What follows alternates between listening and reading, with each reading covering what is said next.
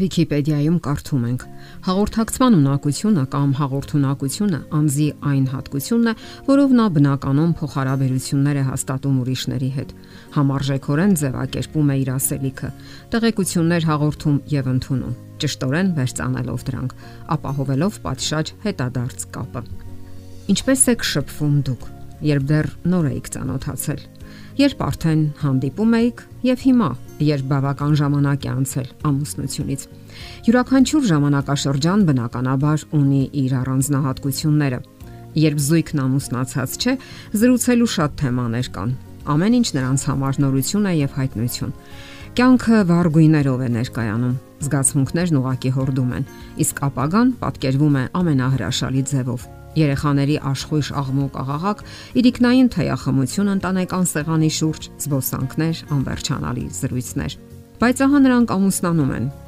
Ամեն ինչ այնքան միապաղաղ է, զրուցելու համարյա բան չկա։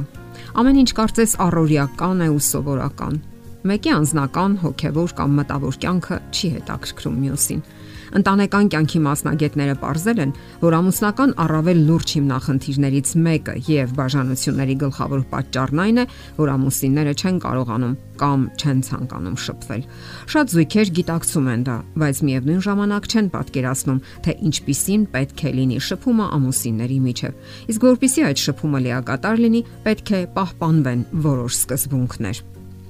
Այդ սկզբունքներից մեկը հետեւյալն է ամուսինները պետք է ունենան լսելու ընտունակություն։ Հաջորդը. Ամուսինները կարող են վեճերը լուծել կառուցողական եղանակով։ Եվ վերջապես երրորդը. Զույգն ամեն օր պետք է կիսվի անznական ապրումներով ու հույզերով, այլ կերպ ասած, օգտակար ժամանակ անցկасնի միասին։ Մարդն իր արթուն ժամանակահատվածի մոտ 70%-ը անց է կացնում շփման մեջ։ Այդ ժամանակի 33%-ը նվիրված է խոսելուն։ Դա շատ կարևոր է, քանի որ հենց զրույցն է միավորում մարդկանց։ Զրույցի գործառույթը շատ ավելին է, քան պարզապես բառեր կամ տեղեկատվություն փոխանցելը։ Զրույցի օգնությամբ մենք փոխանցում ենք մեր հույզերը, արտահայտում ենք մեր զգացմունքները, առավել հստակ ենք ձևակերպում մտքերը, գտնում ենք մեր գաղափարների հաստատումը եւ վերջապես փոխադարձ կապ ենք ունենում ուրիշների հետ։ Դա այն հաճելի միջոցն է, որի օգնությամբ մենք ժամանակ ենք անցկացնում, ճանաչում միմյանց, ազատագրվում լարվածությունից եւ արտահայտում մեր տեսակետները։ Մեկ անգամ եւս նշենք, որ զրույցի հիմնական նպատակը տեղեկատվությունը փոխանցելը չէ, այլ դիմացինի հետ փոխհարաբերության հաստատումը, որի որակը մեծապես կախված է այն բանից, թե մարդը ինչպես է դրսևորում իրեն բարերի մեջ։ Հասկանալի է, որ զրույցին միշտ մասնակցում են նվազագույնը երկու մարդ Այն հիմնված է տեղեկատվություն հաղորդելու եւ ստանալու վրա։ Դեռ ավելին, զրույցը միայն խոսելու գործընթաց չէ, դա նաեւ ընկալելու եւ լսելու պահն է։ Ահա թե ինչու անկարևոր չէ նաեւ ներզգացողությունը։ Տողերի արանքներում թաքնված մտքերն ու ակնարկները կարդալը։ Երբեմն մեզ թվում է, որ հասկանում ենք ինչ է ասում դիմացինը, բայց իրականում չենք ընկալում նրան։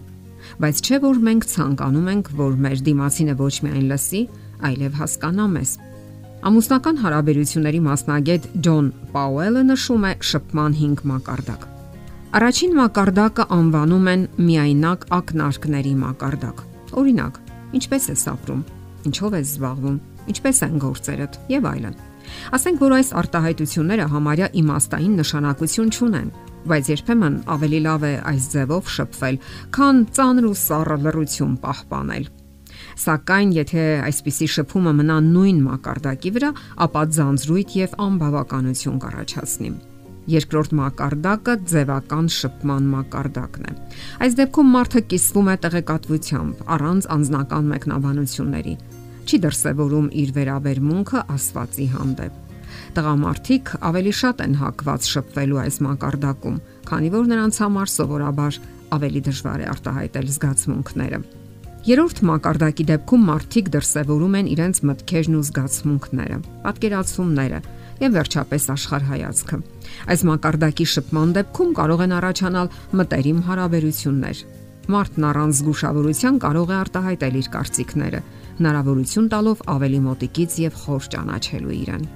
Չորրորդ մակարդակում մենք արտացոլում ենք ոչ միայն մեր մտքերը, այլև այն, թե ինչ է տեղի ունենում մեր հոգում, ինչ ենք զգում մեր ամուսնու կամ էլ շրջապատի հանդեպ։ Մենք խոսքերով արտահայտում ենք մեր հիասթափությունը, բարկությունը, վիրավորանքը կամ երջանկությունը։ Այս մակարդակում շփվելու դեպքում մարդն անկեղծ է։ Նրա համար հետաքրքիր է դիմացինի զգայական աշխարհը։ Այդ ընթացքում նա հայտնաբերում է նաև սեփական հույզերը։ Այսպիսի շփումը հարստացնում եւ խորացնում է հարաբերությունները։